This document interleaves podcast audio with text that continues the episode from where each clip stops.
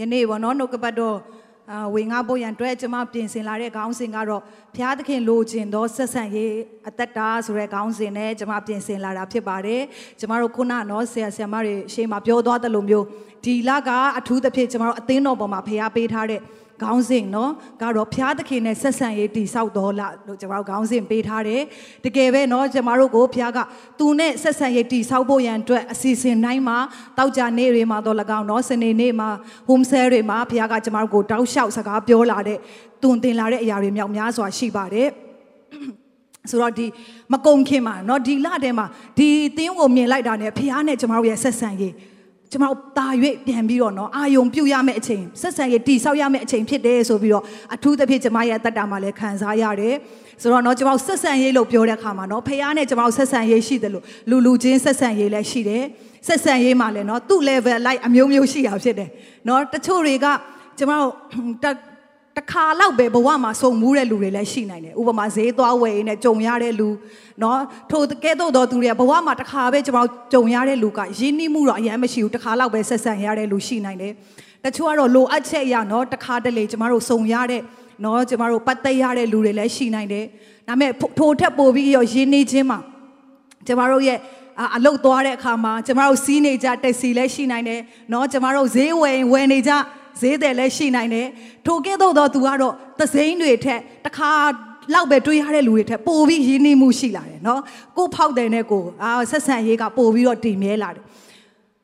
အဲ့ဒီဖြည်းဖြည်းဆက်ဆံရေးတည်မြဲလာခြင်းပေါ်မှာเนาะကျမတို့ပို့ပြီးတော့ရင်းနှီးမှုကပိုများလာတယ် တခါတချို့ကြတော့ကျမတို့ရဲ့တခါတလေမှစုံရတဲ့လူတွေမဟုတ်ဘူးနော်ကျမတို့ဒီယုံသွားယုံလာစုံရတဲ့လူလောက်မဟုတ်ပဲနဲ့ကျမတို့ရဲ့အသက်တာမှာဖျားပေးထားတဲ့မိသားစုတွေနော်ကျမတို့အတွက်တကယ်ကိုတန်ဖိုးထားရတဲ့တငယ်ချင်းတွေတားသမီးတွေမိသားစုတွေရှိတယ်သူတို့နဲ့ဆက်ဆံရေးကြတော့ပို့ပြီးတော့ခိုင်ပါတယ်နော်ဆက်ဆံရေးမှာဆိုတော့ကျမတို့ကရင်းနှီးမှုအတိုင်းတာပေါ်မှာကျမတို့ရဲ့ဆက်ဆံရေးတွေခိုင်ပါတယ်နော်ကျမတို့ပုံလူလမ်းမှာတွေ့တဲ့လူတယောက်ကိုသစိမ့်တယောက်ကိုကျွန်တော်အမှတ်တမဲ့ရည်ပြချင်မှရည်ပြမယ် နော်ပြောချင်သမျှပြောချင်မှပြောမယ်နော်တချို့ကိုရင်းနှီးခြင်းအတိုင်းတာပေါ်မှာကိုဖွင့်ပြတဲ့အတ္တတာလည်းမတူငီဘူးနော်ကိုတိတ်မရင်းနှီးတဲ့လူဆိုရင်ကျွန်တော်ရဲ့အတ္တတာမှာနော်ကျွန်တော်ပြောတဲ့တလောက်ကျွန်တော်ရဲ့အတ္တတာတွေရင်ဖွင့်တာတွေပါလေကျွန်တော်မလုပ်ကြဘူးဒါပေမဲ့ရင်းနှီးလာလေအော်ဒီလူဟောငါစိတ်ချလို့ရတယ်ယုံကြည်လို့ရတယ်သူကငါ့ကိုအယမ်းချစ်တယ်ငါအတွက်တကယ်ကောင်းတဲ့လူဖြစ်တယ်လို့ကျွန်တော်ယုံကြည်စိတ်ချလာတဲ့ခါမှာ အဲ့ဒီလူပေါ်မှာကျွန်တော်တို့ကပြောလဲဆိုကိုယ့်ရဲ့ခံစားချက်တွေ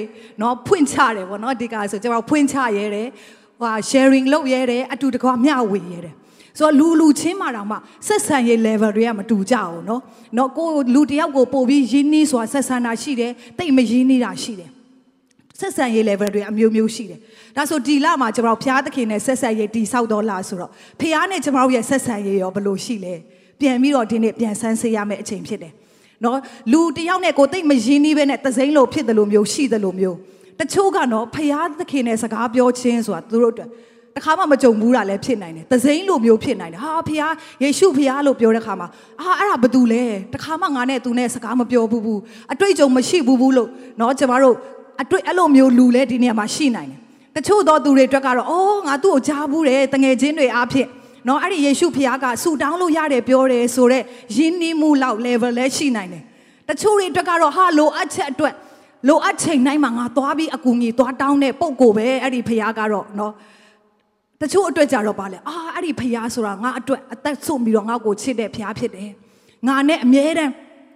ဆက်ဆံရေးတိဆောက်ခြင်းနဲ့ဖះအဲ့ဒီဖះကိုငါအရန်ချစ်တယ်အဲ့ဒီဖះနဲ့ငါအချိန်ယူခြင်းနဲ့ နော်သူနဲ့စကားမပြောဘဲငါမနေနိုင်ဘူးဆိုတော့ရင်းနှီးမှုမျိုးနဲ့ရင်းနှီးတဲ့လူလည်းရှိနိုင်တယ်ဒါကြောင့်အရင်ဆုံးကိုဘေးကလူကိုမေးပေးပါအောင်ဖះနဲ့တင်းတင်းရဲ့ဆက်ဆံရေး level ဘယ်လိုရှိလဲလို့ကိုဘေးကလူကိုမေးပေးပါအောင်ဘယ်လောက်လောက်ရှိလဲတခါတည်းပြန်ဖြေပေးလို့ရလားသစိမ်းလောက်အစ်စ်မလားဒါမှမဟုတ်အာမနဲ့ထမင်းမစားခင်ကိုရောယေရှုတင်တယ်အဲ့လောက်အစ်စ်မလားဒါမှမဟုတ်ကိုရောနဲ့မဆက်ဆံပဲမနေနိုင်တဲ့ level မလား ချစ်သူရေးစားဆက်ဆံရေးမျိုးဆိုတော့တနေ့စကားမပြောဘဲမနေနိုင်တဲ့အသက်တာအတန်မကြားဘဲမနေနိုင်တဲ့အသက်တာဖြစ်တယ်ကိုဘေးကလို့လက်တို့ပေးပါအောင်ဖခင်အတန်မကြားဘဲတနေ့ဖြတ်တန်းလို့ရလားလို့အရင်မေးပေးပါအောင်ဖြတ်ဖြတ်တန်းလို့ရတယ်ဆိုရင်တော့နောက်တစ်ဆင့်သွားမှာဖြစ်တော့မယ်အာမင်ဖခင်အတန်မကြားလဲအစဉ်ပြေနေတယ်ဖခင်နဲ့ဆက်ဆံရေးကိုတနေ့ဖခင်နဲ့စကားမပြောလိုက်လေဘာမှဖြစ်ပါဘူးရပါတယ်နောက်နေ့မှပြောလိုက်မယ်အာဖခင်အတန်မကြားတာကြားပြီအေးဆေးနေတတ်တယ်ဆိုရင်တော့ကျမတို့ နောက်တစ်ဆင့်သွားကိုသွားရမယ်နေဖြစ်တယ်အာမင်ဘာလို့ဆိုဖခင်နဲ့ဆက်ဆံရေးကအရာခသိမ့်တဲ့ပို့အရေးကြီးတာဖြစ်တယ်သင်လူတယောက်ကိုယဉ်နေခြင်းတန်ဖိုးထားခြင်းပေါ်မှာသင်ပေးတဲ့အချိန်လည်းမတူဘူးနော်ကျမတို့တန်ဖိုးထားတဲ့လူကျမတို့ရင်းနှီးတဲ့လူဆိုကျမတို့အချိန်မရရအောင်အချိန်ပေးတတ်တယ်ဟုတ်လားဟုတ်တယ်နော်ကျမတို့တန်ဖိုးထားတဲ့လူကိုယ့်အတွက်ကိုယ့်အတွက် special ဖြစ်နေတဲ့လူအိမ်မှာလာကြည့်ဒါမှမဟုတ်ကိုယ့်ဖုန်းဆက်ကြည့်အချိန်ရလားဆိုတော့အမလေးရတာပေါ့ နောက်ဆုံးချိန်ထားရင်တော့ရတယ်အဲ့ဒါတွေဖြတ်ပေးမယ်ခါဒါဒီတယောက်ကငါ့အတွက်အရေးကြီးတယ်ဘာလို့ဆိုကျမတို့ကသူ့ကိုတန်ဖိုးထားတယ်သူနဲ့အချိန်ယူဖို့ကျမတို့အရန်စိတ်လှုပ်ရှားတယ်အာတကယ်လို့ကျမတို့လေးစားတယ်နော်ကျမတို့အားကြအတူယူရတဲ့ပုံကိုတယောက်မျိုးသားကျမတို့ကိုလာပြီးတော့နင်းနဲ့အချိန်ယူခြင်းလဲဆိုရင်ကျမတို့ပျော်လားမပျော်လားအရန်ပျော်တယ်ဟာ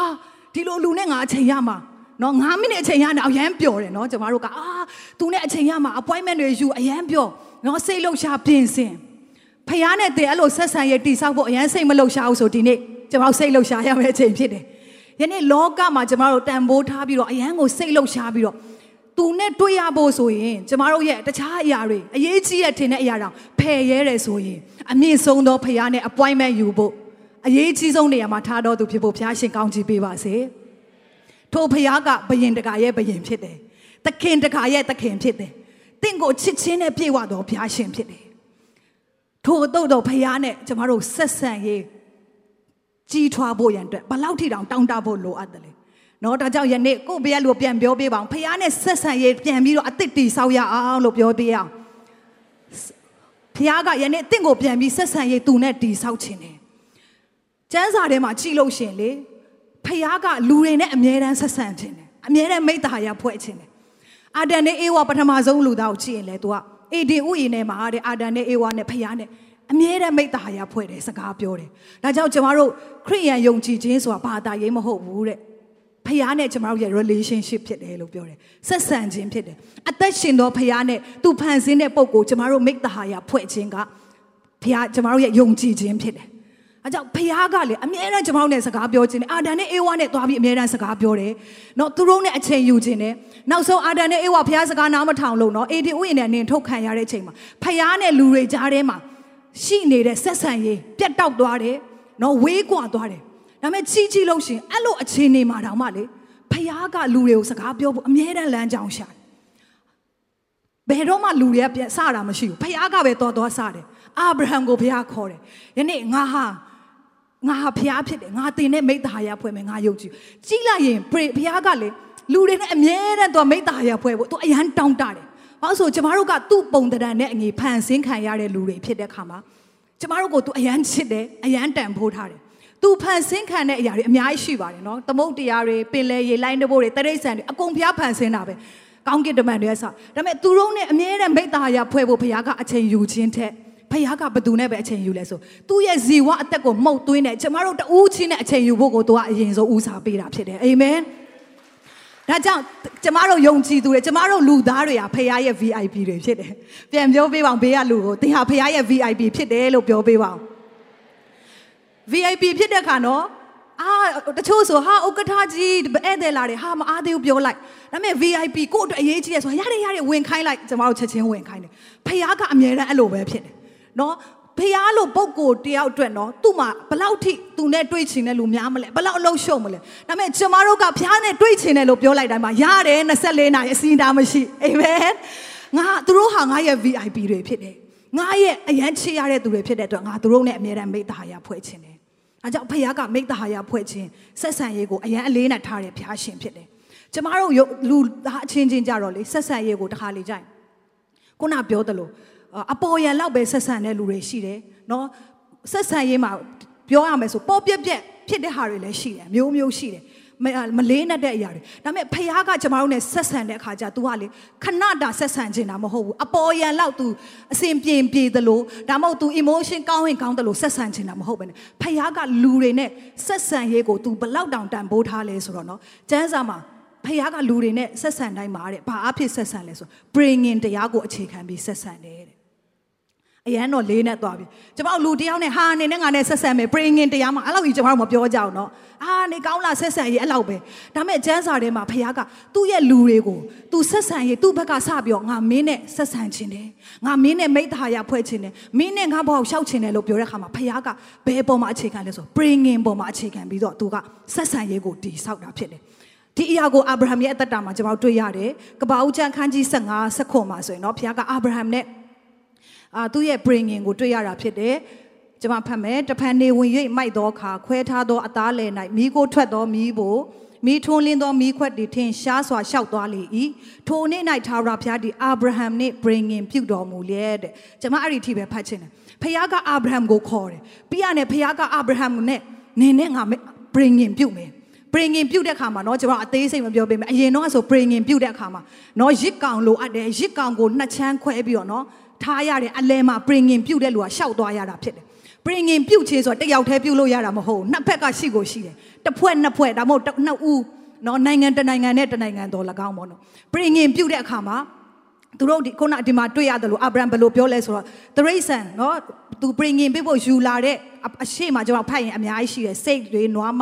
အာသုံးနှစ်အသက်ရှိတဲ့တိုးအထိစသဖြင့်သူ bringing ပြဖို့ယူလာတဲ့အရာတွေကို तू ကထက်ချမ်းခွဲပြီးတော့เนาะအဲ့ဒီအလယ်မှာတဲ့ အာဖျားသခင်ကနော်မိကိုထွက်သောမိဖို့မိထွန်းလင်းသောမိခွက်တွေထင်ရှားစွာပျောက်သွားရှောက်သွားလေ၏အဲ့ဒါဘု து ပြောလာဆိုဖျားကိုပြောတာဖြစ်တယ်ဖျားကအာဗြဟံနဲ့မိတ္တဟာယဖွဲ့ဖို့ဆက်ဆက်ရေးတီဆောက်ဖို့ဘာနေစားပြုလဲဆိုငါမင်းနဲ့မိတ္တဟာယဖွဲ့မယ်ငါမင်းနဲ့ငါဆက်ဆံရေးကိုတီဆောက်မယ်ငါတို့ဆက်ဆံရေးကခဏလောက်အပေါ်ရံမဟုတ်ဘူးပရင်ငင်နဲ့ဆက်ဆိုင်တဲ့ဆက်ဆံရေးကိုတီဆောက်မယ်ပြောချင်တာကဘာလဲဘယ်တော့မှမပြတ်တဲ့ဆက်ဆံရေးကိုငါမင်းနဲ့တီဆောက်ခြင်းတယ် ငါမင်းနဲ့ထာဝရပရင်ငင်ဖွဲ့ခြင်းတယ်ဒါကြောင့်အာဗြဟံလာပါငါတို့ပရင်ငင်ဖွဲ့ရအောင်ငါမင်းနဲ့အတူတူဖွဲ့မယ်ပုပ်ကိုနှစ်ယောက်ဒါမဲ့တယောက်ကဖျားဖြစ်တယ်တန်ရှင်းသောဖျားဖြစ်တယ်ထိုဖျားကသူကအရင်ပရင်ငင်ကိုစပြုတယ်အဲ့မှာအာဗြဟံကဖျားပြောတဲ့အတိုင်းပြင်ဆင်တယ်အဲ့ဒီအလယ်မှာဖျားရဲ့မိကိုထွက်တော်မိဖို့ဖျားကအဲ့ဒီအသားအလယ်မှာသူကိုယ်တိုင်ဖြတ်ထားတဲ့အသားနော်အလယ်မှာသူကိုယ်တိုင်ရှောက်သွားပြီးတော့တဲ့အာဗြဟံနဲ့ပရင်ငင်ပြုတ်တယ်တဲ့ ဆိုတော့ဒီအရာပဲမဟုတ်ဘူးတခြားနေရာမှာလည်းကျွန်တော်တွေ့ရတယ်အများကြီးပဲဆိုတော့ကျွန်တော်မဖတ်တော့ဘူးเนาะဖခင်ကငါဟာတဲ့တင်နဲ့ပြင်ရင်ပြုတ်မယ်တဲ့တင်ဟာလူမျိုးများရဲ့အဘာဖြစ်လာမယ်တဲ့တင့်ကိုလူတွေကနော်အာယုံကြည်ချက်ဖခင်လို့ခေါ်လာမယ်တင်ဟာအရန်ကိုပွားများရမယ်တင်ရဲ့သားစင်မြေဆက်ဖခင်ကပြင်ရင်ပြုတ်တဲ့အခါမှာထိုပြင်ရင်ပေါ်မှာသူ့ရဲ့ဂတိတော်တွေကလိုက်လာတယ်အာဗြဟံပြင်ရင်ပြုတ်တယ်ဆိုကြတဲ့ဘာပြောဆိုမင်းဟာငါရဲ့အသက်တာတစ်ခုလုံးမင်းအတွက်ဖြစ်တယ် မင်းအသက်တာလည်းငါအတွက်ဖြစ်တယ်ဒါကြောင့်ယနေ့ကစပြီးငါဟာမင်းရဲ့ဖခင်ဖြစ်မယ်ငါဟာ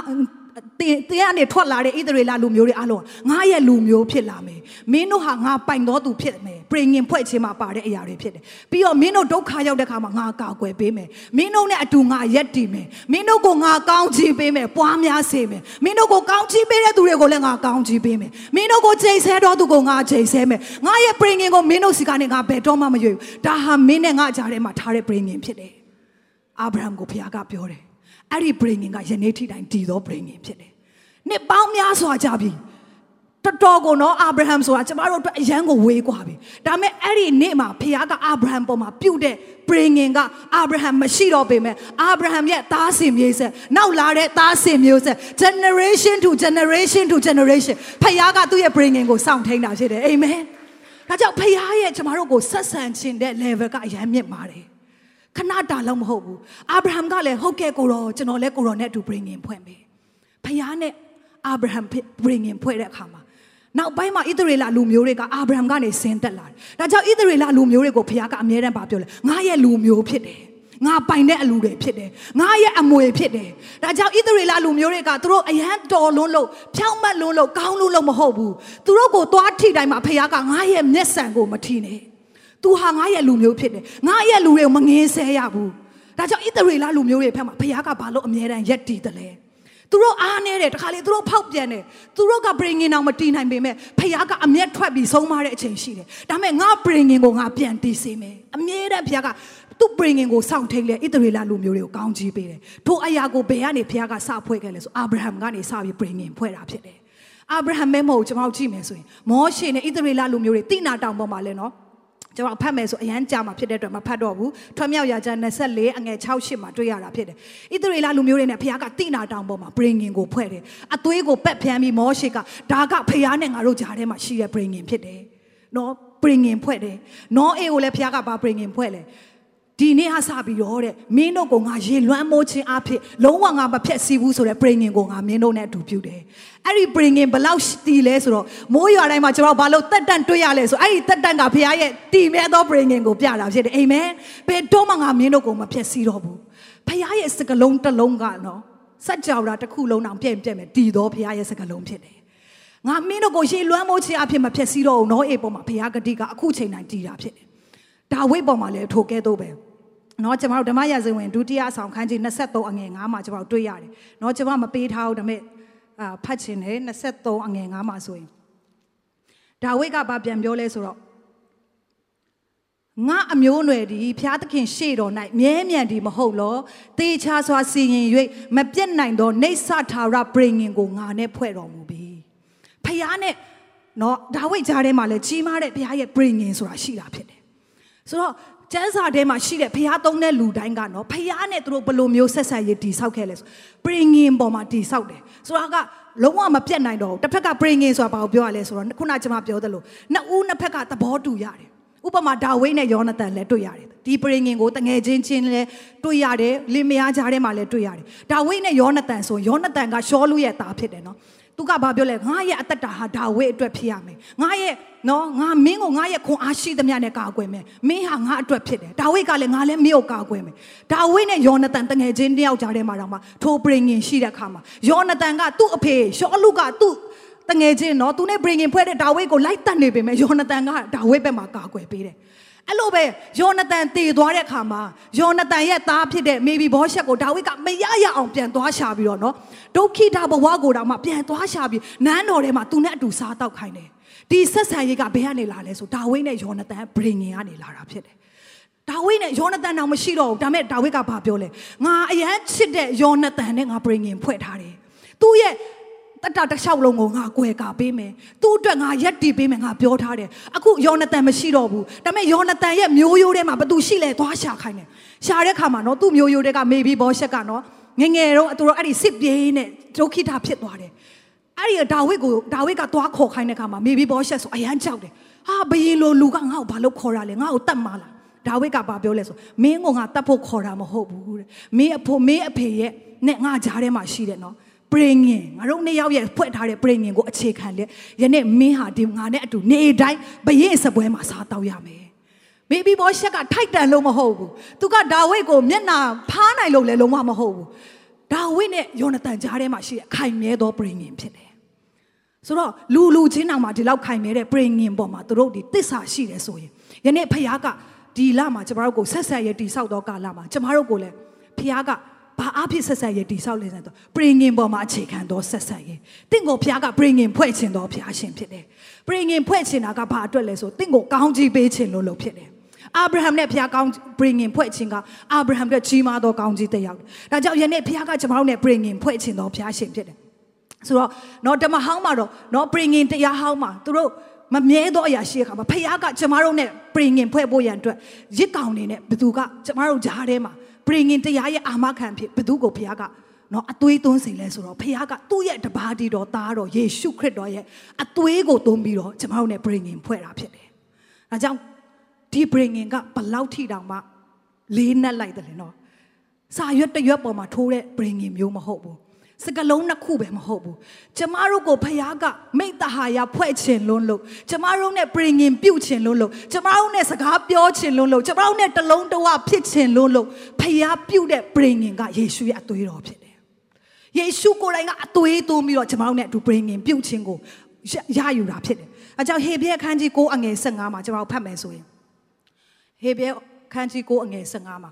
ထို့ကြောင့်ပထမပရင်ငင်တရားလက်ထက်၌ပြစ်မှားသောအပြစ်ကိုလည်းလွတ်စေခြင်းကခရစ်တော်သည်အသေးခံတော်မူသည်ဖြစ်၍ခေါ်တော်မူသောသူတို့သည်ဂတိတော်နှင့်ရှင်သောသာရအမွေကိုခံရမည်အကြောင်းထိုသခင်သည်ပရင်ငင်တရားသိ၏အာမခံဖြစ်တော်မူ၏တဲ့ယေရှုခရစ်တော်ကယနေ့ခမည်းတော်ဖခင်နဲ့ကျမတို့ကြားထဲမှာကျမတို့ဖခင်ကကျမတို့နဲ့ bring in ဖွဲ့ခြင်းတယ်ကျမတို့နဲ့အတူမိသားရဖွဲ့ခြင်းတဲ့ခါမှာဂျားခတ်အနေနဲ့ဘသူကအသွေးသွင်းပြီးတော့ bring in တရားကိုတည်စေလဲဆိုတော့ ခရစ်တော်ရဲ့အသွေးတော်ဖြစ်တယ်။ဒါကြောင့်ဖခင်နဲ့ကျမတို့ကြားထဲကဆက်ဆံရေးကဘလောက်တောင်ခိုင်မြဲမလဲနော်စာရွက်တစ်ရွက်ဆိုပျောက်ရင်ပျောက်သွားနိုင်သေးတယ်စကလုံးဆိုမကြားတဲ့လူရှိနိုင်သေးတယ်ဒါပေမဲ့ခရစ်တော်ကိုယ်တိုင်လွန်ခဲ့သောနေ့2000ကျော်ကလောကကိုလာပြီးအသွေးသွင်းပြီးအသေးခံခြင်းကဖခင်နဲ့ကျွန်တော်တို့ကြားမှာရှိတဲ့ bringing တရားဖြစ်တယ်ဘယ်တော့မှမပျောက်ပြတ်နိုင်တော့ bringing ဖြစ်တယ်လက်ခုပ်တီးပြီးတော့ထိုဖျိုင်းနာမောက်ချီးမွားရအောင်ဒါကြောင့် bringing တရားဆိုတာက bringing ဖွဲ့ပြီးတဲ့လူတွေကနှစ်ယောက်မဟုတ်တော့တစ်ယောက်လို့ခေါ်တယ်ဒါကြောင့်လင်မယားချင်းတွေเนาะကျမတို့ရေးစားဖြစ်တဲ့ကာလမှာကျမတို့ကတလုံးတဝတယ်လို့မပြောသေးဘူးเนาะရေးစားဖြစ်တဲ့အချိန်မှာအခြေအနေရလည်းပြန်ကွဲရင်ကွဲနိုင်သေးတယ်ဟုတ်เนาะဆက်ဆံရေးကအစဉ်ပြေလဲပြေနိုင်တယ်အစဉ်ပြေတဲ့အချိန်မှာဟာလုံးဝတယောက်တည်းလို့ဖြစ်နေအစီမပြေတော့ရင်လည်းတခါတည်းရန်သူလိုလည်းဖြစ်နိုင်သေးတယ်ဆက်ဆံရေးကမမြဲသေးဘူးအာမခံချက်လုံးဝမရှိသေးဘူးဒါပေမဲ့ အဲ့လိုရေးစားနှစ်ယောက်လို့ပြောရမယ်เนาะဒါကပုံဥပမာပြဖို့ဟိုအရန်အပေါ်လွင်ဆုံးဖြစ်မယ်ထင်လို့เนาะချစ်သူနှစ်ယောက်ရေးစားနှစ်ယောက်က bringing မဖွဲ့ခင်ချီကသူတို့က နောက်ဆုံးပြောရမယ်ဆိုပြန်ကွဲလို့ရသေးတယ်။နော်လမ်းခွဲလို့ရသေးတယ်။တော်ပြီးငါနင်းကိုမခေါ်နောက်မရွေးတော့နောက်တစ်ယောက်လို့ပြောခွင့်ရှိသေးတယ်။တီဆောက်ခြင်းမရှိသေးဘူး။ဒါမဲ့သူတို့နှစ်ယောက်ကဟာမင်းဟာငါဘဝတစ်ခုလုံးအတွက်တစ်သက်လုံးမင်းနဲ့ငါလက်တွဲဖို့ငါရွေးချယ်မယ်။တခြားလူတွေအကုန်လုံးကိုငါမရွေးချယ်တော့ဘူး။နော်ယောက်ျားကလည်းဟုတ်ပြီငါလည်းမင်းကိုပဲရွေးချယ်မယ်။ဆိုတော့ဆုံးဖြတ်ချက်ခိုင်မာစွာရှိလာတဲ့ခါမှာနော်ကျမတို့လက်ထက်ထိမ်းများခြင်းမင်္ဂလာဆောင်လုပ်တယ်။အဲ့ဒီမှာသေုပ်ဆရာဘာလို့ဆို bringing ဖွဲ့ခိုင်းတယ်နော်လက်ထက်ထိမ်းများခြင်း bringing ဆိုတာရှိတယ်။ လိုက်ဆိုရတယ်။အိုဒီဖြစ်ပါစေနော်။အိုတဲ့အချိန်ထိထာဝရဒီလူနဲ့လက်တွဲပါမယ်။နောက်ဆုံးမထင်မှတ်တဲ့ဖျားနာခြင်းအစင်မပြေခြင်းနော်လူတယောက်ကကိုကဟိုအရန်အစင်ပြေပြီးတော့နော်လှပနေတဲ့ချိန်မှာအရန်ချစ်နိုင်တယ်။ဒါပေမဲ့လက်တွဲပြီးတဲ့ခါလက်ထပ်ပြီးတဲ့ခါဘဝရဲ့အနေအမြင့်တက်ကြတယ်မှာအမျိုးမျိုးရှိနိုင်တယ်။ဒါကြောင့်ဒုက္ခိတဖြစ်ပါစေကျွန်မမမအောင်ဆိုရင်နော်ဟိုနောက်ဆုံးဟိုဟိုဖျားနာခြင်းဘာညာရှိပါစေလုံးဝမထားခဲ့ပဲနဲ့သူ့ကိုတဘဝလုံးလက်တွဲဖို့ဖြစ်ဆုံးဖြတ်ပါမယ်။ ဒါက bringing ဖြစ်တယ်။ထိုကဲ့သို့ bringing ဖွဲ့ပြီးတဲ့ခါမှာအပြန်လန်အမျိုးသမီးကလည်း bringing ဖွဲ့တဲ့ခါမှာထိုနေ့ကစပြီးအာဆရာတွေကပြောလဲအခုချိန်မှာသူတို့က bringing ဖွဲ့ပြီးတဲ့အတွက်နှစ်ယောက်မဟုတ်တော့တစ်ယောက်ဖြစ်တယ်။ဒါကြောင့်ကျမတို့တွေဖယားနဲ့ကျမတို့ bringing ဖွဲ့တဲ့ခါမှာခရစ်တော်ရဲ့အသွေးသွင်းပြီးတဲ့ခါမှာဖယားနဲ့ကျမတို့ကနှစ်ယောက်မဟုတ်တော့ဘူးဘာဖြစ်သွားလဲ။တစ်ယောက်တည်းဖြစ်သွားပြီအာမင်။အသက်ရှင်တော်အမြင့်မြတ်ဆုံးတော်ဖယားနဲ့ကျမတို့ကတူးတည်းဖြစ်သွားတာဖြစ်တယ်။တလုံးတဝတည်းဖြစ်သွားတာဖြစ်တယ်။ဆိုတော့ ဘလောက်တောင်မှထိုဖျားနဲ့တလုံးတဝါဖြစ်ခြင်းကျမကတော့အဲ့ဒီအလေးနဲ့ကိုမရှင်းပြတတ်ပေမဲ့အယမ်းခွန်အားရတယ်ဖျားနဲ့ဖျားလိုလူနဲ့ကျမတို့တလုံးတဝါဖြစ်ဖို့အခွင့်အရေးကကျမတို့စ조사မယ်ဆိုဘယ်တော့မှရမှာမဟုတ်ဘူးနော်ဖျားကိုတော့နောက်ဆုံးလောကမှာဆိုအယမ်းမြင့်မြတ်တဲ့အယမ်းကိုနော်ကိုအတွက်အယမ်းကိုတန်ဖိုးရှိတဲ့လူနဲ့တလုံးတဝါဖြစ်မယ် bringing ပြုတ်မယ်ဆိုတော့ကျမတို့အယမ်းကိုပျော်ရွှင်ရမယ့်အချိန်မှာ ဖယားနဲ့တန်ရှင်းသောဖယားနဲ့ကျမတို့ကိုဖယားကအသွေးတော်အားဖြင့်ပြင်ရင်ပြုတ်ခွေရတယ်အဲ့ဒီချိန်ကစပြီးဖယားနဲ့ကျမတို့ကတလုံးတဝဖြစ်သွားတယ်ဆိုတော့ပြင်ရင်ပြုတ်ခြင်းမှာမရှိမဖြစ်လိုအပ်တဲ့ຢာကဘာလဲဆိုတော့ commitment ဖြစ်တယ်စက္ကအနံခြင်းဖြစ်တယ် နော်ခုနကျွန်တော်ပြောသလိုအမျိုးသမီးကလည်းမင်္ဂလိကလည်းအမျိုးသားကိုပြောလဲဆိုဒီနေ့ကစပြီးသူ့ဘဝကိုဒီမှာပုံအပ်လိုက်ပြီးစက္ကအနံလိုက်တယ်ငါဘဝတစ်ခုလုံးကိုမင်းအတွက်စက္ကအလံလိုက်တယ်ဒီအချိန်ကစပြီးငါ့ကိုငါမပိုင်တော့ဘူးမင်းငါ့ကိုပိုင်တယ်တယောက်ကလည်းစက္ကအနံတယ်ဒါကြောင့် bringing ပြုတ်ခြင်းမှာစက္ကအနံခြင်းကနော်မရှိမဖြစ်အရေးကြီးတဲ့အရာဖြစ်တယ်ဆိုတော့ကျွန်တော်အေးဖက် over စာခန်းကြီး9ကိုဖတ်ရအောင်31နဲ့32မှာဟုတ်ပြီအတူတကွဖတ်ရအောင်ထို့အကြောင်းကြောင့်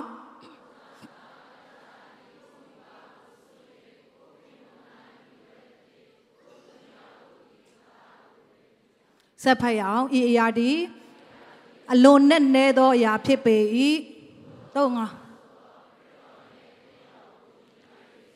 ဟုတ်ပြီအရှိကိုပြန်ပြပေးပါယေရှုတင်ထိုအကြောင်းကြောင့်တဲ့ယောက်ျားကလည်းကိုမိဘကိုစွန့်ပြီးတော့တဲ့ခင်ပိုးနိုင်ပြီဝဲသက်ထိုသူနှစ်ယောက်ကတဲ့တသားတကိုယ်တည်းဖြစ်ရတယ်တယောက်တည်းဖြစ်ရတယ်တဲ့အဲ့ဒါကြောင့်ဒီအရာကားတဲ့ဆက်ပြပြီနော်30နှစ် ဤအရာကအလွန်နဲ့နေသောအရာဖြစ်တယ်တဲ့ထိုအရာကဘာကိုပြောချင်တာလဲဆိုခရစ်တော်နဲ့အသင်းတော်ကိုယဉ်မှတ်၍ပြောတာဖြစ်တယ်ဒါကြောင့်ဟိုနှစ်ယောက်လုံးကစက္ကအနံချင်းအသက်တာလိုအပ်တယ်ဖះနဲ့ကျမတို့ bringing ပွဲတော့မယ်ဆိုရင်ကိုရောကျွန်တော်ရဲ့အသက်တာကိုဖះကိုယ်တိုင်ကငါအသက်တာကိုမင်းတို့အတွက်ငါပေးအပ်တယ် မင်းတို့က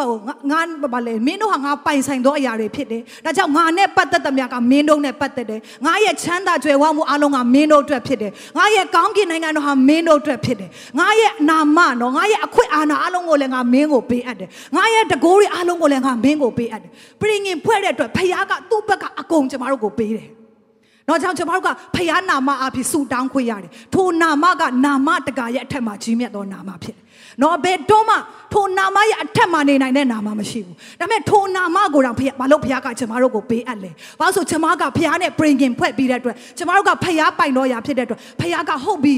မင်းဟိုငါပိုင်သွားပြီမင်းကလည်းငါ့ကိုပိုင်တဲ့အတွက်ငါနာမကိုမင်းကိုငါစိတ်ချစွာပေးမယ်မင်းသုံးပါငါရဲ့ဘန်နာအားလုံးဟာမင်းအတွက်ဖြစ်တယ်ဒါကြောင့်ကျွန်တော်ထိုး bringing ကိုသဘောပေါက်မယ်ဆိုရင်ဖခင်ရဲ့ကြွယ်ဝခြင်းအားလုံးဟာကျွန်တော်တို့ရဲ့အမွေဖြစ်တယ်ဆိုတာကိုကျွန်တော်တို့သဘောပေါက်ဖို့ဖြစ်ထိုအရာကိုသဘောမပေါက်တဲ့အခါမှာလေကျွန်တော်တို့ဒီအားငယ်ခြင်းဝင်လာတယ်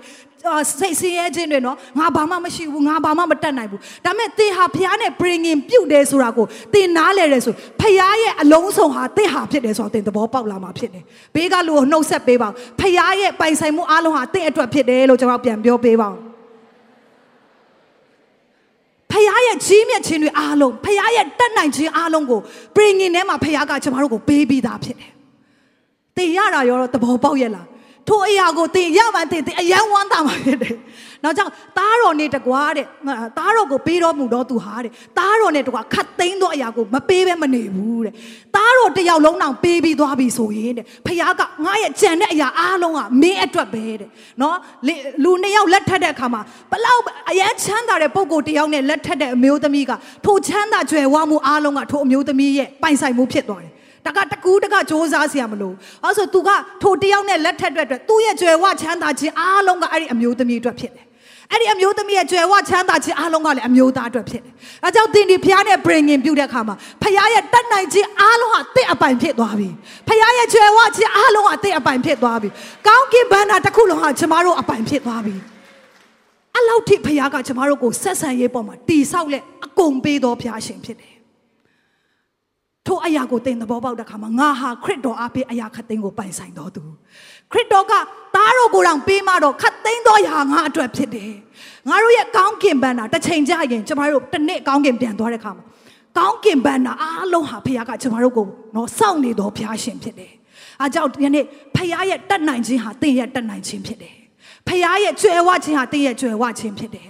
ဒါကြောင့်ယနေ့ထိုအရာကို သင်မသိဘူးဆိုတော့ဒီတိုင်းပဲနေမှာဖြစ်တယ်။ဒါပေမဲ့ယနေ့သင်သိတဲ့အခါမှာကိုရောယနေ့ကျွန်တော်ဟာကိုရောအဖြစ်တတ်နိုင်တော်သူဖြစ်တယ်။ကိုရောလိုပဲကျွန်တော်ဟာတန်ရှင်းတော်သူဖြစ်တယ်။ကိုရောအဖြစ်ကျွန်တော်ဒီကျွယ်ဝတော်သူဖြစ်တယ်။ငါဤဘုရားသခင်ဟာဘုံအာနုဘော၌စံပယ်တော်မူသောစီးစိမ်ရှိတယ်။ ဒါကြောင့်ငါအလိုရှိသမျှကိုခရစ်တော်အားဖြင့်ငါကိုအကုန်ပေးပြီးသားဖြစ်တယ်။ဒါကြောင့်ငါဟာဆင်းရဲတော်သူမဟုတ်ဘူး။ဒါကြောင့်ငါဟာအားငယ်တော်သူမဟုတ်ဘူး။ငါဟာချွေဝတော်သူဖြစ်တယ်။ခရစ်တော်အားဖြင့်ငါဟာအားကြီးတော်သူဖြစ်တယ်။အကြောင်းခွန်အားနေတော်သူအစွမ်းရှိပြီ။ဆင်းရဲတော်သူလည်းချမ်းသာပြီလို့ပြောစေတဲ့။ဘာလို့လဲခရစ်တော်ရဲ့တတ်နိုင်ခြင်းအားလုံးကိုဖခင်ကငါတို့ကိုအမွေပေးပြီးသွားပြီဟာလေလုယဘုရားရဲ့နာမအားရပါလက်ခုပ်တီးပြီးချီးမွမ်းရအောင် ဒါကြောင့်ကျွန်တော်တခြင်းတွေဆိုကြတယ် let the weak say i am strong ငါအရင်တော့အားနေခဲ့တယ်ဒါပေမဲ့ဖခင်ရဲ့ bringing ပြုတ်ပြီးတဲ့အခါမှာဖခင်ရဲ့အားကြီးခြင်းဟာငါရဲ့အားကြီးခြင်းဖြစ်လာတယ်အကြောင်းဒါဝိဒ်ကဘာပြောလဲထာဝရဘုရားကငါရဲ့ခွန်အားထာဝရဘုရားကငါရဲ့အစွမ်းတတိဖြစ်တယ်နော်စင်ရဲတော်သူချမ်းသာပြီကျွန်တော်တို့အရင်တော့အရင်စင်ရဲတော်သူဘာမှမတက်နိုင်တော်သူဖြစ်ပေမယ်ကောင်းကင်ဘန္တာတစ်ခုလုံးကိုပိုင်ဆိုင်တော်ဖခင်ထဲမှာကျွန်တော်ရှိလာတဲ့အခါမှာဖခင်ရဲ့ကြွယ်ဝခြင်းအလုံးဟာသင်အတွက်ဖြစ်တယ် ဒါကြောင့်ထောက်ပံ့သောအရှင်ဟာသင်ရဲ့ bringing နဲ့သင်နဲ့စာချုပ်ချုပ်တော်ဘုရားရှင်ဖြစ်တယ်အဲကြောင့်ကျွန်တော်မရှိဘူးကျွန်တော်လိုအပ်တယ်သင်ပြောတိုင်းမှာခရစ်တော်နာမ၌သင်လိုအပ်သမျှကိုဘုရားကပေးဖို့ရန်အတွက် ready ရှိတယ်အဲခုနကျွန်တော်ဆူတောင်းတော်တဲ့ဆရာပြောတယ်လို့ဘုရားနာမ၌သင်တို့တောင်းပါတဲ့တောင်းစမ်းပါသင်တို့ဟာတောင်းပိုင်ခွင့်ရှိတော်သူတွေဖြစ်တယ်။ဘာလို့လဲဆိုသင်တို့ဟာငါနဲ့ bringing ဖွဲ့ထားတော်သူတွေဖြစ်တယ်လို့ဘုရားကပြောတာဖြစ်တယ်။ bringing ဖွဲ့ထားတဲ့အတွက်ကျမတို့မှာ right ရှိတယ်။နော်အခွင့်အရေးရှိတယ် အဲကြောင့်ကျွန်တော်တောင်းလိုက်တိုင်းမှာဘာအဖြစ်တောင်းလဲဖျားသားဖြစ်ခြင်းပေါ်မှာကျွန်တော်တောင်းတယ်ဖျားနဲ့ကျွန်တော်က bringing ဖွဲ့ထားတဲ့အတွက်ဖျားရဲ့ပိုင်ဆိုင်မှုအလုံးကငါရဲ့ပိုင်ဆိုင်မှုဖြစ်တယ်လို့တောင်းပိုင်ခွင့်ရှိတာဖြစ်တယ်အဲကြောင့်မတောင်းရဲပဲလည်းမနေပါနဲ့အာမနာပဲအာနာပြီးဘာမှမလုပ်ရဲပဲမနေပါနဲ့ဖျားထဲမှာတင်းရဲ့ယက်တီခြင်းကိုခိုင်မာစွာရှိဖို့ဖျားရှင်ကောင်းချီးပေးပါစေဒါကဖျားကပေးတဲ့အပိုင်ဖြစ်တယ်ဆိုတော့ဖျားကဘဝတစ်ခုလုံးပေးတယ်နောက်ဆုံးဖျားရဲ့စက္ကန့်အနံချင်းကလေ နေ့နဲ့လလောက်မဟုတ်ပဲနဲ့သားတော်ထိတာမှအသက်တောင်ပေးပြီးကျမတို့ကိုယောမင်းအတွက်ငါဘဝတစ်ခုလုံးကိုစက္ကန့်အနံဒါကြောင့်ခရစ်တော်ရဲ့အသက်ကိုဘယ်သူမှယူတာမဟုတ်ဘူးတဲ့သူကိုယ်တိုင်ကျမတို့ကိုချစ်လွန်းလို့သူ့အသက်ကိုစွန့်ပြီးတော့သူ့ကိုယ်သူကျမတို့ထဲမှာစက္ကန့်အနံလိုက်တာပေးအပ်လိုက်တာဖြစ်တစ်ဖက်ကဖခင်ကကျမတို့ဆရာဘာပြန်တောင်းဆိုလဲကျမတို့ကလည်းဖခင်နဲ့ bringing ပြုတ်တော်သူဖြစ်တဲ့အတွက်ကျမတို့ကဟာဟုတ်ပြီအဲ့ဒီအပိုင်းနဲ့ပဲကျမတို့ခြေနှက်လို့မရဘူး ကျမတို့ကလည်းအပြန်အလှန်စက္ကန့်အနံ့ခြင်းလိုအပ်တာဖြစ်တယ်အာမင်အားကြောင့်ဘေးကလူပြန်ပြောပေးပါအောင်ကိုလည်းစက္ကန့်အနံ့ဖို့လိုအပ်တယ်လို့ပြန်ပြောပေးပါအောင်နော်ကျမတို့ကအမြဲတမ်းနှစ်ဖက်လိုအပ်တာဖြစ်တယ်နော်လူလူချင်းဆက်ဆံရေးမှာတောင်မှတစ်ချိန်လုံးရယူနေတဲ့ဆက်ဆံရေးကမတည်မြဲဘူးလို့ပြောကြတယ်နော်တယောက်ကပဲပေးနေပေးနေတယောက်ကအရာရဲချီမအစီမပြေဘူးဆက်ဆံရေး ကောင်းမွန်သောဆက်ဆက်ရေးတည်ဆောက်ဖို့အပြန်အလှန်လေးစားခြင်းအပြန်အလှန်ပြန်ပြီးပေးဆက်ခြင်းလိုအပ်တယ်ခရစ်တော်ကလည်းကျမတို့ကိုအာရအားလုံးပေးအပ်တယ်ကျမတို့စီကသူလိုချင်တော့အရာကလည်းကျမတို့ရဲ့အသက်တာကိုပြန်လည်ပြီးစက္ကန့်အနံခြင်းလိုအပ်တာဖြစ်တယ်ဒါကြောင့်ကျမတို့ယောမစနစ်တစ်ကိုကျမတို့ဖတ်မယ်နော်အဲ့ဒီမှာဗာရေးထားလဲဆိုတော့အတူတကအားရပါရနှုတ်ကပတ်တော်ကိုယုံကြည်ခြင်းနဲ့ဖတ်ရအောင်တင်းနှစ်တော့ ငီကိုတို့အသက်ရှင်ခြင်းလက္ခဏာတန်ရှင်းခြင်းလက္ခဏာဖျားသခင်နှစ်သက်တော်မူဖွယ်သော လက္ခဏာနှင့်ပြည့်စုံသောရစ်ကိုတင်တို့ဒီပူဇော်၍မိမိကိုယ်ခန္ဓာကိုဖျားသခင်အားဆက်ကပ်ခြင်းတည်းဟုသောတင်တို့ပြုအပ်သောဝတ်ကိုပြုမိအကြောင်းဖျားသခင်၏ဂယုဏတော်ကို ထောက်ထား၍တင်တို့ကိုငါတိုက်တွန်းနှိုးဆော်ပေ၏ယေရှုတင်နဲ့ပြန်ပြပေးပါစနစ်တစ်မှာနော် အသက်ရှင်ခြင်းလက္ခဏာတန့်ရှင်းခြင်းလက္ခဏာနဲ့တဲ့ဘုရားသခင်နှစ်သက်သောလက္ခဏာနဲ့ပြည့်စုံသောရစ်အနေနဲ့တဲ့ကိုကိုကိုအသက်ရှင်သောရစ်ကောင်တွေနဲ့ဘုရားကိုပြန်ပြီးကျွန်တော်တို့ကစက္ကအနံဖို့အတွက်လိုအပ်တယ်ဆိုတော့ ကျမတို့ဒီနော်ဒီတချို့ဆရာဆရာမတွေနဲ့ကြာတော့ကြာပါပြောဖြစ်တဲ့ခါမှာဘာဖြစ်လို့တဲ့တချို့ယုံကြည်သူတွေအသက်တာကလေဟိုချီးထွားခြင်းမရှိသလဲပေါ့နော်အာခဏပြောလိုက်ပြန်လဲကြလိုက်ကောက်ရိုးမီလို့ဘာလို့ဖြစ်လဲဆိုတော့တယောက်ရဲ့ဆွေးနွေးခြင်းကိုကျမအရန်ခွန်အားရဘာလို့လဲဆိုတော့တဲ့သူတို့နဲ့ဖခင်ရဲ့ဆက်ဆံရေးကလိုချင်သွားလိုက်ပြင်ပြန်လာလိုက်နေတဲ့စက္ကန့်အနံခြင်းအဆင့်ထိမသွားတော့ကြအောင်တဲ့ကြီးထွားခြင်းမရှိဘူးဆိုတော့အရန်မှန်တယ်လို့ကျမခံစားရတယ်။ဘာလို့ဆိုစက္ကန့်အနံခြင်းအဆင့်သွားပြီဆိုရင်တချို့ကိုသူဖယ်ကိုဖယ်ရတော့မယ် တင်းရဲ့အလိုကိုတင်ဖယ်ကိုဖယ်ရတော့မှာဖြစ်တယ်နော်လင်မယားနဲ့ခုနနဲ့လင်မယားနဲ့ပြန်ပြောမယ်ဆိုလင်မယားတယောက်ကငါမင်းကိုပဲတသက်လုံးရွေးချယ်မယ်မင်းအတွက်ပဲငါအသက်ရှင်မယ်မင်းဟာငါရွေးချယ်တဲ့သူဖြစ်တယ်လို့စက္ကအနံပြီးသွားပြီဆိုရင်အဲ့ဒီစက္ကအနံပြီးတော့ဥပမာယောက်ျားလေးကတခြားမင်းကလေးတွေနဲ့ရှောက်ပြီးတော့တွဲလို့ရသေးလားမရတော့ဘူးနော်အာကြိုက်တယ်လို့နေလို့မရဘူးသူ့ မှာတစ္ဆာဆိုတာရှိသွားတယ်သူစက္ကအနံချင်းရှိသွားတယ်ကျမတို့အဲ့လိုမျိုးပြောရင်တော့ရည်ကြတယ်ဒါပေမဲ့တစ်ခါလေဖះနဲ့ကျမတို့ရဲ့ဆက်ဆက်ရေးကလည်းအဲ့လိုမျိုးပဲဖြစ်တယ်ကိုရောကိုစက္ကအနံပါတယ်ပြောပြီးတော့လောကထဲမှာတသားတည်းဖြစ်ပြီးလောကအရာနဲ့ကြိုက်တယ်လို့နေခြင်းကထိုကဲ့သို့သောဖောက်ပြန်ခြင်းနဲ့တူတူပဲဖြစ်တယ်နော်နားလည်နိုင်ဖို့ဖះရှင်ကောင်းကြီးပေးပါစေကျမလည်းဒီအရာကိုတော့ပြောဖို့ရန်အတွက်တစ်ခါလေကြရင်အာဆူတောင်းပြင်ဆင်တယ်ဒါပေမဲ့ဖះကကျမကိုဆက်ဆံရေးထဲမှာတာရွေးကြီးထွားစေခြင်းတဲ့အတွက်ပြောခိုင်းတယ်လို့ယုံကြည်တယ်။ အဲကြောင့်ကျွန်တော်တို့ဒီစက္ကအနံချင်းနဲ့ပြင်ငင်ရဲ့ပြင်ပမှာဆက်ဆံရေးချင်းအလုံးကမမှန်ကန်သောဆက်ဆံရေးဖြစ်သွားတယ်။ဒီလူတယောက်နဲ့ဆက်ဆံရေးစက္ကအနံပြီးသွားရင်အဲ့ဒီလူပေါ်မှာတင်းရဲ့ခင်ပွန်းပေါ်မှာတင်းရဲ့ဇနီးတဲ့ပေါ်မှာတသက်လုံးတစ္ဆာရှိရမှာဖြစ်တယ်။တသက်လုံးသူ့ရဲ့ အုပ်ဆိုးချစ်အောင်မှာနေရမှာဖြစ်တယ်အမျိုးသမီးတွေဆိုအဲ့လိုပဲကျွန်တော်တို့ဒီဖះနဲ့ပြင်ငင်ပြုတ်ပြီးတဲ့အခါမှာကိုရောကျွန်တော်ကိုကျွန်တော်မပိုင်တော့ပါဘူးပြင်ငင်ပြုတ်တဲ့ခင်ကြားစားပြီးကိုကိုကိုမပိုင်တော့ဘူးသူ့စီကိုပေးအပ်တာဖြစ်တယ်ဒါကြောင့်တင်းရဲ့အသက်တာကိုတေဖះထဲမှာပေးအပ်ပြီးသွားပြီကျွန်တော်ရဲ့အလိုဆန္ဒကျွန်တော်ရဲ့ဇာတိလုံးချင်တာကျွန်တော်လှုပ်ချင်တာကျွန်တော်ရဲ့အောင်မြင်ချင်တာကျွန်တော်ရဲ့ဇာတိအားလုံးကိုကိုရောရှေ့မှာချထားပါတယ်ကျွန်တော်ကိုကျွန်တော်မပိုင်တော့ပါဘူးကိုရောပိုင်ပါတယ်လို့ကျွန်တော်တို့ကစက္ကန့်အနံချင်းအသက်တာဖြစ်တယ် ဖះကလည်းဖះကိုလည်းကျမတို့ပိုင်တယ်တစ်ဖက်ကလည်းကျမတို့ဒီဖះနဲ့ပြင်ရင်ပြုတ်တဲ့ခါကိုကိုကိုမပိုင်တော့ဘူးတင့်ကိုတင်မပိုင်တော့တင့်ကိုပိုင်တော့သူတယောက်ရှိအဲ့ဒါကဖះသခင်ဖြစ်တယ်အဲကြောင့်ကျမတို့ကိုကိုကိုပိုင်နေဆိုပြီးကိုစိတ်တိုင်းကြနေတယ်ဆိုရင်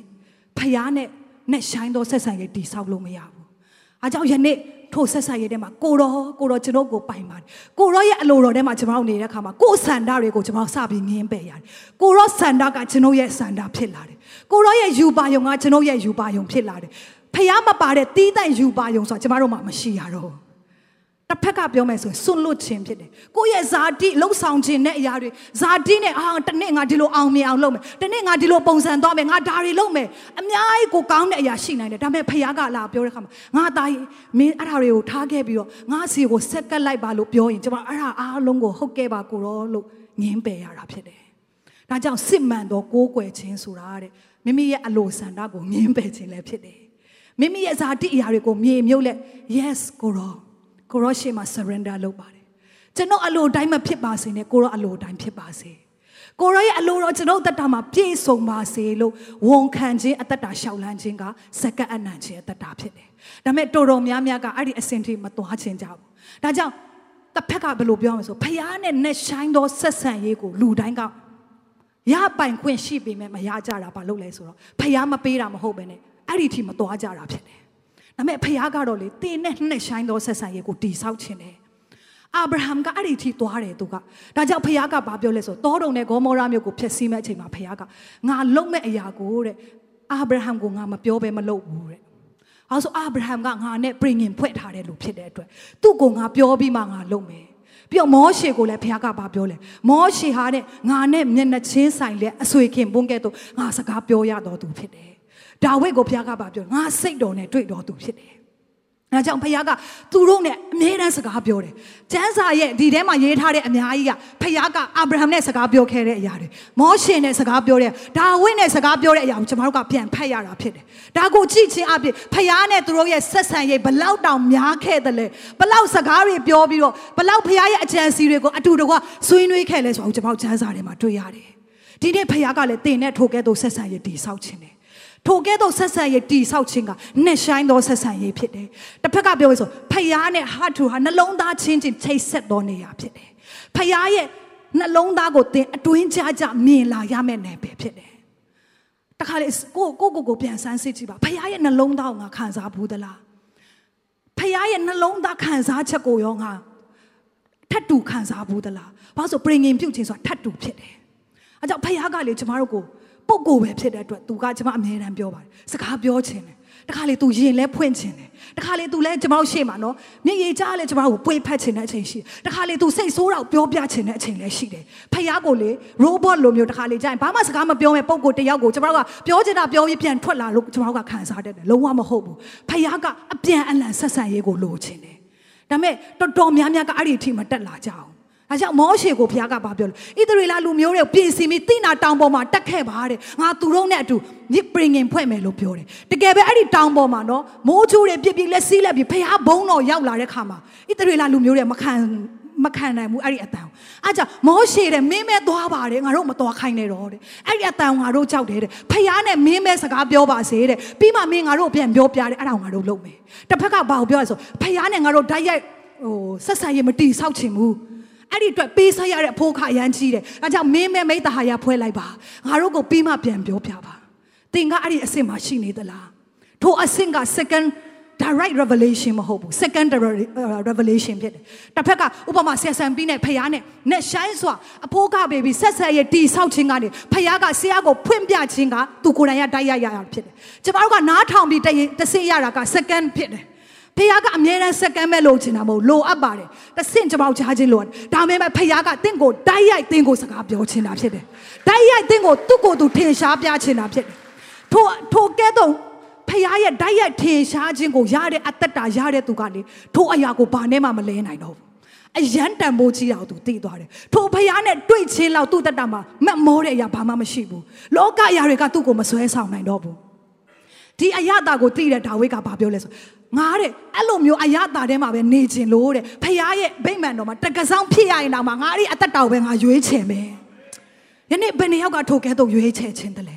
နော်ဖခင်နဲ့နဲ့ဆိုင်တော့ဒါကြောင့်ဒါဝိဒ်ရဲ့ကျမ်းစာတွေကိုကြည့်ပါဒါဝိဒ်ရေးထားတဲ့ဟာတွေကိုကြည့်ပါအမြင့်ဆုံးတော့ဖခင်ရဲ့ကွယ်ကာယာထဲမှာငါနေရတယ်ဖခင်ကိုငါဖူးမြော်ခွင့်ရတယ်မောရှေလည်းထိုကဲတော့ပဲလူတွေကကြောက်ပြီးမတက်လာဘူးဟာမောင်မိုက်နေတဲ့ချိန်မှာမောရှေကလေးတဲ့ထူထပ်သောမောင်မိုက်ထဲကိုတာ၍တိုးဝင်တယ်တဲ့ အဲ့ဒီခါမှာဖယားနဲ့မျက်နှာချင်းဆိုင်ဆုံရတယ်ဖယားရဲ့ဘုံတော်ကသူ့တကိုယ်လုံးကိုဖြည့်တာ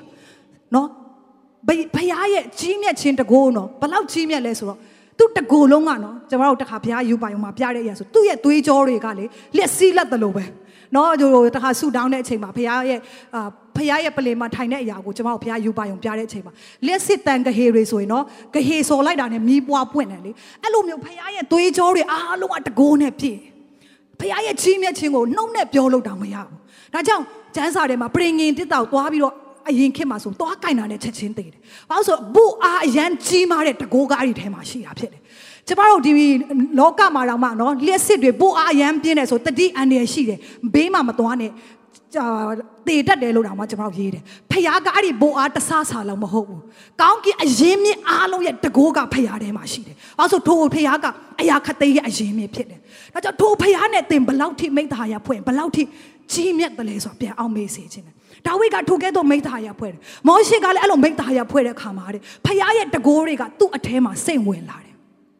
ဖခင်ရဲ့ဘုန်းတော်ကသူ့ကိုဖြည့်တယ် အဲ့ဒီခါမှာ तू တောင်ပေါ်ကနေဆင်းသွားတဲ့ခါမှာသူ့မျက်နာတော်မှာထွန်းလင်းပြီးတော့